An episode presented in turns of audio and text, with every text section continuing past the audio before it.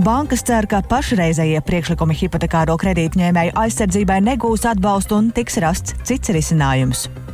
Polijas prezidents premjerministra amatam virza līdzinējo premjeru Mateušu Moravecki, opozīcija pārmet laika izniekošanu. Duda nominējas Moravecki par spīti trīs opozīcijas partiju iebildumiem un apgalvojumiem, ka vienīgi trīs opozīcijas partiju koalīcijai ar tās līderi Donaldu Tusku priekšgalā ir iespēja izveidot valdību un plūdi Stradiņas slimnīcas onkoloģijas korpusa pagrabstāvā pacienti pārvietoti uz citiem korpusiem. Mēs sazināsimies ar slimnīcas pārstāvi. Tas viss jau tūdaļ plašāk raidījumā pusdiena.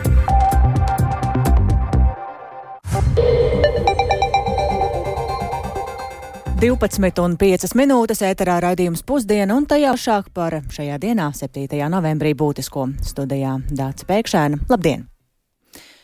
Un es sākam ar atbalstu hipotekāro kredītņēmējiem. Bankas cer, ka tie priekšlikumi, kas šobrīd ir izskatīšanā saimā, netiks realizēti tādā veidā, kā šobrīd iecerēts. Saimas budžeta un finanšu komisija uz otro lasījumu plāno noteikt, ka kredītiestādēm nākamgad būtu jāsamaksā nodeva hipotekārā kredītņēmējiem 30% apjomā no attiecīgajā ceturksnī aprēķinātajiem procentu maksājumiem. Bankas uzskata, ka šādi noteikumi nav balstīti datos un bojātu hipotekāro kredītu izsniegšanu nākotnē, un tas ir izskanējis šodien rīkotajā diskusijā, kurai līdzi seko Jānis Kīncis, un Jānis šobrīd pievienojas mums tiešaidais. Sveiks, Jāni! Sveika, Dārts, sveicināti radio klausītāji. Jā, iesākumā atgādināšu, ka Saimnes budžeta un finanšu nodokļu komisijā pirms otrā lasījuma atbalstītie priekšlikumi paredz, ka laikā, kad augstu Eiriboru eh, likmju laikā bankas gūst augstu pēļņu, valsts varētu atbalstīt tos hipotekāro kredītu ņēmējus, kuru maksājumi pārsniedz 20% no viņu ienākumiem. Kredīti iestādēm nākamajā gadā būtu jāsamaksā nodeva hipotekārā kredīta ņēmējiem 30% apjomā no attiecīgajā ceturksnī aprēķinātajiem procentu maksājumiem par vienīgo hipotekārā kredīta līgumu vai arī par to nekustamo īpašumu, kur patērētājs vai kāds viņa ģimenes loceklis ir deklarējies. Banku pārstāvi šodien Finanšu nozares asociācijas rīkotajā apspriedē uzsvēra, ka plānoti, plānotie hipotekāro kredītu ņēmēju aizsardzības pasākumi būtiski ierobežos vietējo kreditēšanas uzņēmumu konkurētspēju un ilgtermiņā neuzlabos tātad kreditēšanas pakalpojumu pieejamību. Uh, un, lai arī saimā apspriešanā esošie pasākumi plānot uz laiku, tie tiešām atstātu ilgtermiņa sekas. Tātad Latvijā šobrīd ir esot izsniegti kopumā ap 124 tūkstošiem hipotekāro kredītu un izskatīti potenciāli ļoti daudzus pieteikumus, eh, kas būtu par šo palīdzības pieejamību, būtu bankām arī neiespējamā misija. Tā vietā bankas jau šobrīd piedāvājot individuālu palīdzību, ja klienti to lūdz. Atliek kredītas pamatsummas, maksājumus, pārskata banku noteiktās likmes, atceļ komisijas maksu kredīta līguma izmaiņām Turklāt arī šogad, kad Eirobor likmes ir augstas, apakalipse kreditēšanas jomā nesot iestājusies un būtībā arī nesot būtiski kritusies. Lūko par saimā skatāmo ieceri šīs dienas sarunā pauda bankas citadela valdes loceklis Valters Ābele un Sebbankas vadītāja Latvijā Ieva Tetere. Mēs ceram uz dialogu turpināšanos, argumentētu diskusiju, Mēs ceram atrast risinājumu, kura rezultātā bankas samaksā papildus uzņēmuma ienākumu nodokli, un kura rezultātā politiķi jau paši var pieņemt lēmumus, kam tā nauda tiks sadalīta. Es ļoti ceru, ka mēs nonāksim pie konstruktīva risinājuma, kurš neradīs to nestabilitātes sajūtu, ka bankas nespēs apkalpot tos 124 tūkstošus nekavējoties, kā patreizējais likuma projekts paredz. Ieva Tetera ilustrēja, ka pēdējo trīs mēnešu laikā esot izskatīti 3476 iesniegumi par ikmēneša kredīta maksājumu vai likmju pārskatīšanu, un reāls maksātnespējas problēmas ir bijušas vien 57 gadījumos. Un šādi dati apliecinot, ka kredīta maksājuma summas nav tik liela problēma, kā to cenšoties izzīmēt saimnes deputāti. Turklāt dialogs ar saimnes budžeta komisiju nevienmēr esot bijis eh, veiksmīgs un izdevies, un par to, ka šis nav piemērots veids, kā Piemērotākais veids, kā valstī iejaukties, vērtēja arī advokāts Lauris Liepa un investīciju banķieris Girts Rungainis. Īsi arī viņa teiktais. Turcijas prezidents Erdoğans ir izcils ārpolitiķis, taču tajā brīdī, kurā viņš cenšas darboties ar iekšpolitiskiem jautājumiem, piemēram, iesaldēt banku cenas, mēs redzējām no Turcijas piemēra, tas izgāzās ar fiasko. Tāpēc es aicinātu mūsu likumdevējiem neatkārtot prezidenta Erdogana neveiksmīgo mēģinājumu ietekmēt banku kredītu cenu. Diskusija parlamentā, kas nav bāzēta datos un zināšanās, bet revolucionārajā pārliecībā, sadārdzinās kredītus un samazinās finanses pieejamību. Tā ir nevis izaugsmas, bet atpalicības politika. Nu, lūk, par to, vai attiecīgās likuma izmaiņas uz uh, pēc otrā lasījuma un uh, uz trešo lasījumu, galīgo lasījumu vēl varētu skart kādas uh, būtiskas izmaiņas. Un, kā teikt, arī reakcijas par šo banku sektoru pārstāvju teikto. To vaicāšu šīs dienas laikā arī Saimnes budžeta komisijas deputātiem, un šīs reakcijas apkopošu vēlāk šīs dienas laikā. Dace! Paldies Jānim Kīncim tik tālu par kredītiem un banku skatījumu, bet, um, kā jau dzirdējām, tad uh, ko par šīm iebildēm saka deputāti, tad uzzināsim raidījumā pēcpusdienu. Savukārt raidījuma pusdienu mēs turpinām runājot par mežu nākotni. Latvijā vecos mežus bez īpaša iemesla nesot plānots izcirst. Tā šorīt kolēģiem Elīnai Balskarai un Kristapam Feldmanim raidījumā labrīt apgalvoja klimata un enerģētikas ministrs Kaspars Melnis no Zaļo un Zemnieku savienības, noraidot neseno plašo rezonansu un izskanējušās bāžas bažas par plāniem palielināt vecu mežu izciršanu, lai tos aizstātu ar jaunaudzēm. Paklausīsimies fragmentu no viņa teiktā. Es nespēju atrast, kur tajā Nacionālajā klimata enerģētikas plānā ir kaut kas minēts par veco mežu izciršanu. Nu, tur bija veicināta pāraugušu un um, saugušu mežu nomaiņu, lai piesaistītu CO2. Nu, jāsaprot to, ka mēs no savas puses vairāk apkopojam un izvērtējam, bet to pamatinformāciju dot nozara eksperti. Un arī skatoties, protams, arī eksperti ir runājuši to, ka ieguldījums oglekļa piesaistē tieši augošam mežam. Un līdz ar to skaidrs arī zinātnieki arī saka, ka nu, vecs mežs kokiem trūdot emisijas rada. Līdz ar to, protams, mums ir jāiet par to, ka mēs runājam par vajag saimniekot atbildīgi, un arī, ja mēs runājam par mežkopību, tad arī tur jābūt atbildībai. Un noteikti tur jābūt tam balansam. Neviens neplāno izcirst vienkārši vecus mežus tāpat vien. Tas ir absurdi. Mums ir jābūt balansam starp dabas daudzveidību, klimatu vidi skatoties, protams, arī tautsēmniecība mums ir jāievēro, un arī, protams, arī sabiedrības viedoklis. Un tas viss ir jāapkopo.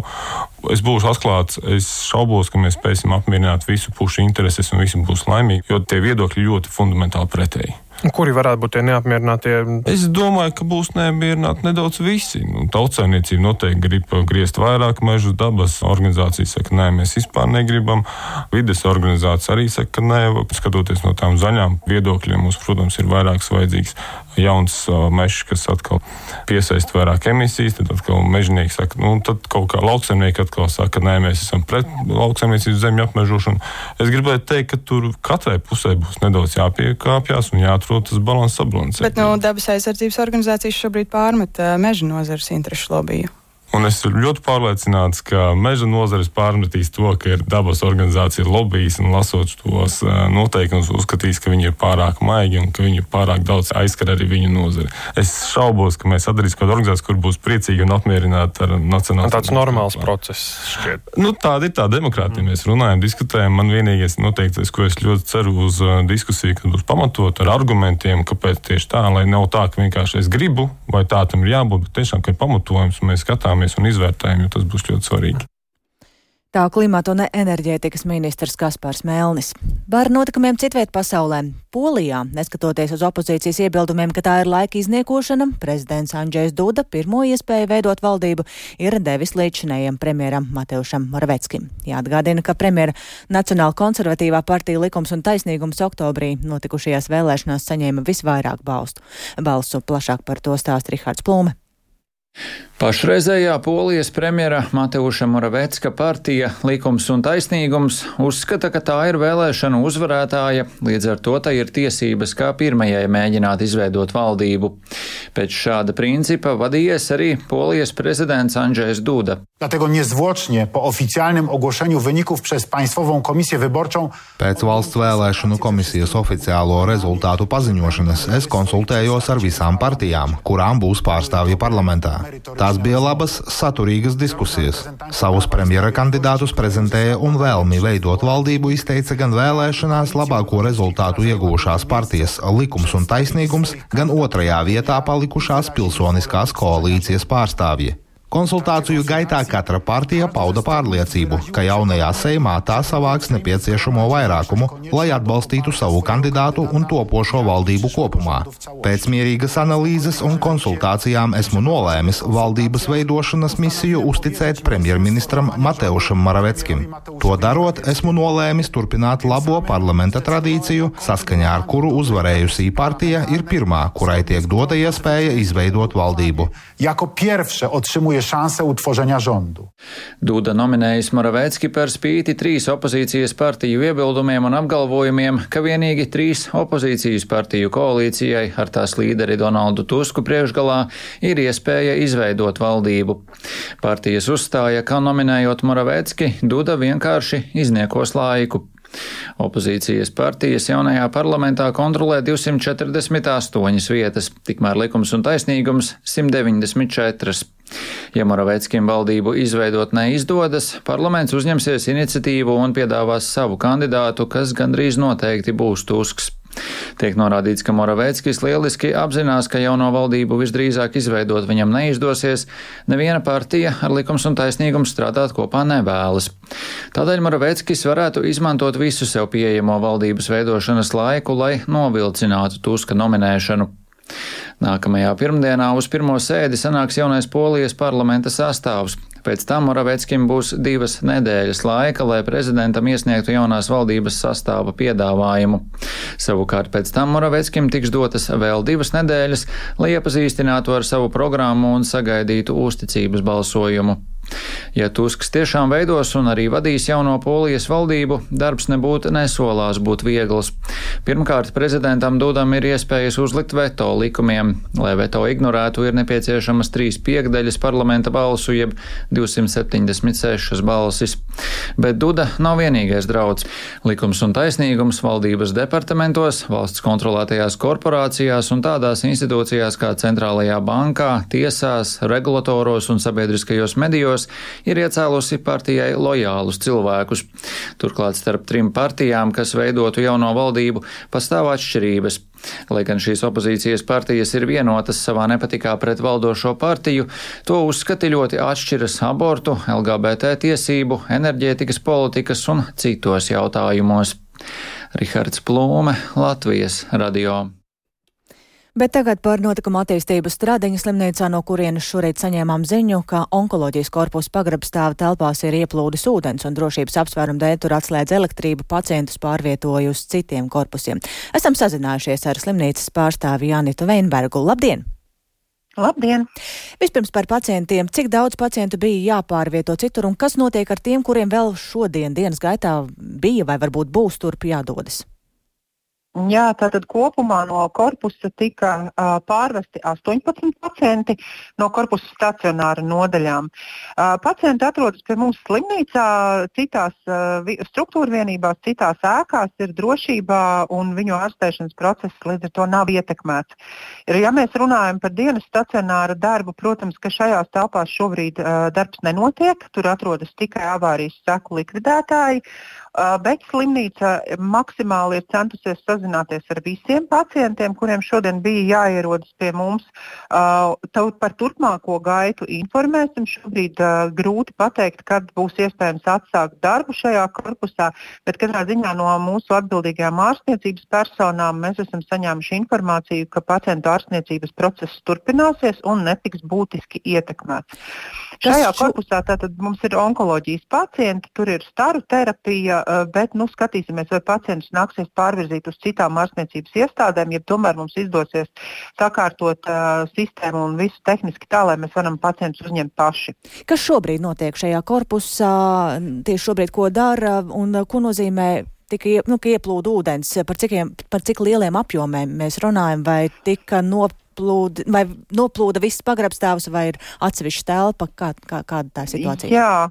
Jā, tātad vēl šobrīd avārijas seku likvidācijas darbi turpinās. Tātad liekais ūdens no pagraba stāva tiek atsūkts, pēc tam notiks tīrīšana, vēdināšana, žāvēšana. Skatīsimies, cik liels tātad būs tas posts nodarītais, cik daudz būs ietekmētas telpas, cik varbūt kādas tehniskās iekārtas. Šobrīd ir grūti pateikt precīzu iemeslu, kāpēc tas tā notika, bet visticamāk, ka šī avārija patiešām būs saistīta ar kanalizācijas sistēmu, jo blakus korpusam notiek diezgan vērienīgi kanalizācijas sistēmas rekonstrukcijas darbi. Bet tur vēl ir tātad, kā es teicu, jāprecizē informācija. Ja mēs runājam par to mitruma apjomu, par ūdens apjomu, um, nu, tādiem ļoti vienkāršiem vārdiem sakot, nē, tas, tas nebija ne līdz ceļiem, ne līdz potītēm, bet ņemot vērā tātad, to, ka tur strādā mūsu personāls, tur atrodas pacienti, mēs varbūt nepievēršam tik lielu uzmanību konkrēti centimetru mm. mērīšanai. Skaidrs ir viens, tur ir elektroiekārtas un uh, tieši tādēļ šī ēka nekavējoties tika noslēgta nu, gan pacientiem, gan mhm. darbiniekiem. Mm -hmm. Paldies, Jā, paldies par komentāru Stradiņas slimnīcas pārstāvēja Janitai Veinbergai. Tātad visi pacienti šobrīd ir pārvietoti, nav zināms, kad varēs atgriezties šajā korpusā, bet pacientu ārstēšana nav apdraudēta, jo tā notiek citos korpusos. Bet par to, kas gan apdraud veselību, ir mūsu nākamais stāsts, un runa ir par antibiotiku rezistenci, kas nozīmē, ka lietojot tās pārāk daudz vai nepamatoti antibiotikas vairs var nepalīdzēt cilvēku ārstēšanā, jo ir attīstījušās baktērijas, uz kurām tās neiedarbojas. Un tādēļ Eiropas Savienība šogad ir pastiprinājusi cīņu un strādās ne tikai pie tā, lai samazinātu antibiotiku lietošanu, bet arī stimulētu jaunu antibiotiku radīšanu un plašāk par to Ulda Česbera sagatavotajā ierakstā. Daudziem no mums ir nācies lietot antibiotikas, lai ārstētu kādas nopietnas veselības kaitas. Antibiotikas var glābt cilvēku un arī dzīvnieku dzīvību, taču pēdējos gados arvien skaļāk tiek zvanīta trauksme, ka antibiotiku lietošana ir pārmērīga un bieži vien nepamatota. Tā rezultātā ir attīstījušās pret antibiotikām izturīgas baktērijas. Aplēses liecina, ka antibiotiku rezistence ik gadu visā pasaulē ir nāves iemesls gandrīz 5 miljoniem cilvēku, bet Eiropas Savienībā tā izraisa vairāk nekā 35 tūkstošus nāves gadījumu, radot zaudējumus bloka ekonomikai 1,5 miljārdu eiro apmērā. Ja saglabāsies pašreizējā tendence, tad līdz 2050. gadam ik gadu pasaulē no antibiotiku rezistences nomirs 10 miljoni cilvēku, bet ekonomiskie zaudējumi sasniegs 100 triljonus dolāru, jeb 93 triljonus eiro. Daktere Marija Krusas Soriano ir iekšķīgo slimību nodaļas vadītāja vienā no lielākajām Madrides slimnīcām. Viņa pastāstīja, ka antibiotiku rezistence ir milzīga problēma. Plašs epidemioloģisks epidemioloģiski pētījumi, kuros ir iesaistīts vairāk nekā tūkstoši intensīvās terapijas nodaļu, liecina, ka konkrētās dienās vairāk nekā 50% pacientu ir aktīva infekcija. Puse no šiem gadījumiem ir slimnīcā iegūtas infekcijas. Tā ir ļoti nopietna problēma. Un, diemžēl intensīvās terapijas nodaļās infekcijas bieži vien izraisa multirezistentas baktērijas.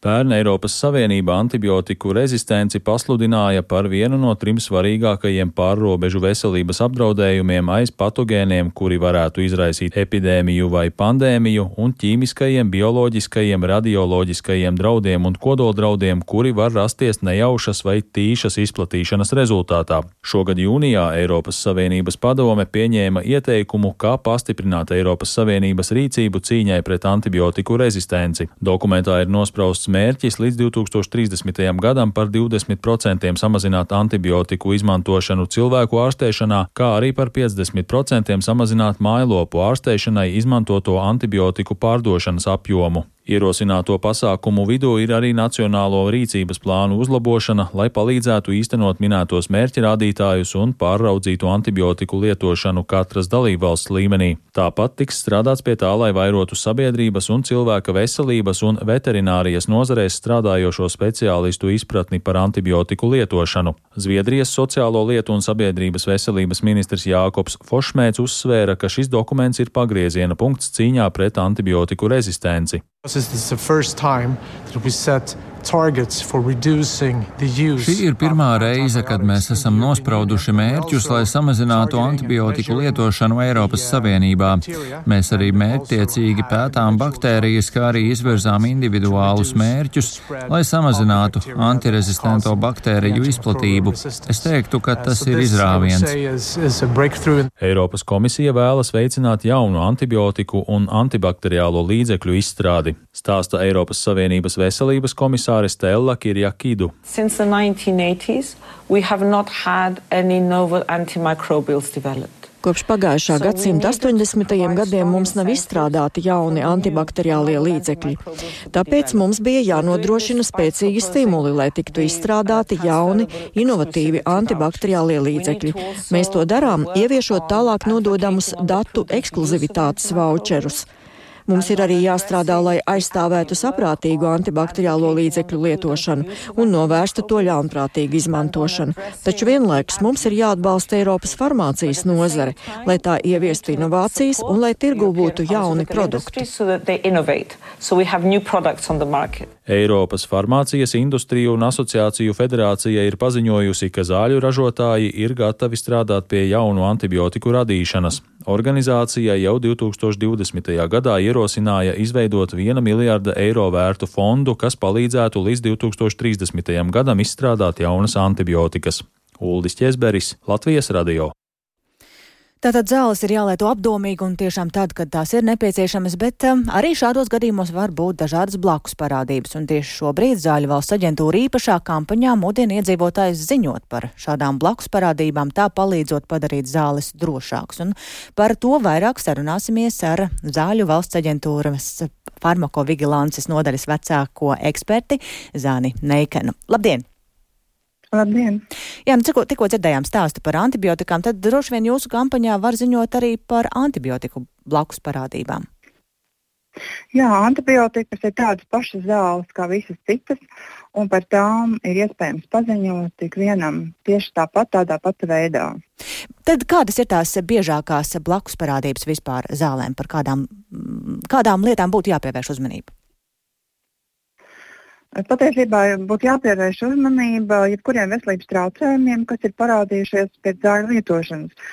Uh, visbiežāk blaknes parādās uh, īsi pēc zāļu lietošanas sākšanas, bet dažkārt arī tās var parādīties pēc ilgāka laika.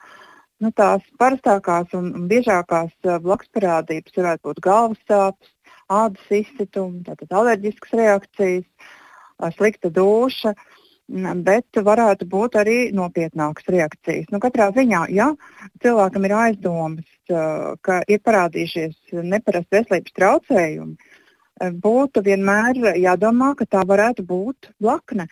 Un vispirms ir jāvēršas pie ārsta, jo vispirms ir svarīgi uh, zināt, kā tālāk rīkoties, vai zāļu lietošanu pārtraukt, samazināt devu vai, lietot citas zāles. Un otrs, kas ir jāveic, eh, ir vēlams un ieteicams, un mēs ļoti gaidām, kā par šādiem blakņu gadījumiem tiek paziņots Zāļu valsts aģentūrai. Kur var ziņot? Tie ir praktiski informācija. Var paziņot Zāļu valsts aģentūras mājaslapā, Uh, uzklikšķinot uz uh, saites, kur ir norādīts ziņot par zāļu blakus parādību, un tur var elektroniski nosūtīt ziņojumu. Bet uh, tikpat labi var arī doties uz jebkuru aptieku un palūgt farmaceitam uh, palīdzēt ar šādu blakus parādību ziņojumu nosūtīt zāļu valsts aģentūrai. Bet to var darīt tikai šīs kampaņas laikā vai jebkad?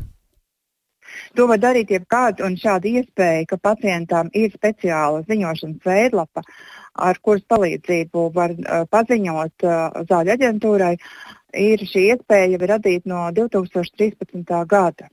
Kas tālāk notiek ar šiem ziņojumiem? Jūs uh, iesniedzat zāļu ražotājiem un tie izvērtē, veic zāļu uzlabojumus. Kas notiek tālāk? Uh, Kad tiek saņemti šādi ziņojumi, tie tiek eh, zāļu aģentūrā izvērtēti, iekļauti mūsu lokālajā datubāzē, un vienlaikus tie tiek nosūtīti lielajā Eiropas Savienības datubāzē Eutrivigilance, kur saplūst eh, ziņojumi no visām Eiropas Savienības valstīm. Un lūk, šeit ir tā priekšrocība. Kā ātrāk ir iespējams uzzināt par jaunām un nopietnām zāļu reakcijām, izmantojot šo datu bāzi. Ir daudz šādu labi aprakstītu ziņojumu, tie tiek izvērtēti un diezgan īsā laikā tiek jau papildināta zāļu informācija, tiek informēti ārsti, veselība, visi veselības aprūpas speciālisti. Šī informācija ir pieejama zāļu dokumentācijā, zāļu aprakstā, kas ir paredzēts ārstam, un lietošanas instrukcijā, kas ir paredzēta pacientam. Mhm. Un šeit ir arī norādīti riska mazināšanas pasākumi, kā izvairīties turpmāk no šādām reakcijām. Un, eh, sakiet, eh, kāpēc ir vajadzīga šāda kampaņa, ja jau, ja jau jebkurā laikā var ziņot par šīm blakus parādībām, tas ir, lai piesaistītu uzmanību? Jā, šī kampaņa ir domāta, palī lai palīdzētu cilvēks pats sev un palīdzētu citiem. Sev tādā ziņā, ka pievērst uzmanību tam faktam, ka zālēm ir ne tikai efekts, bet var būt mm -hmm. arī dažkārt laknes. Mm -hmm. Un, lai laicīgi vērstos uh, pie sava ārsta un novērstu šīs reakcijas, ārstētu tās, Mhm. Un arī tādēļ var palīdzēt Jā. citiem un var palīdzēt citiem. Uh, tādējādi Skaidrs, ka šī pal... informācija tiek nodota tālāk Zāļu valsts aģentūrai. Paldies! Un Sarunājāmies ar Zāļu valsts aģentūras farmakovigilants nodaļas vecāko eksperti Zāni Neikenu. Ar to arī skan raidījums pusdiena, ko producēja Lauris Zvēnieks, ierakstus montēja Uldas Grīnbergs par labskaņu rūpējās Una Gulbe un ar jums sarunājās Dāca Pēkšēna. Uz tikšanos atkal rīt!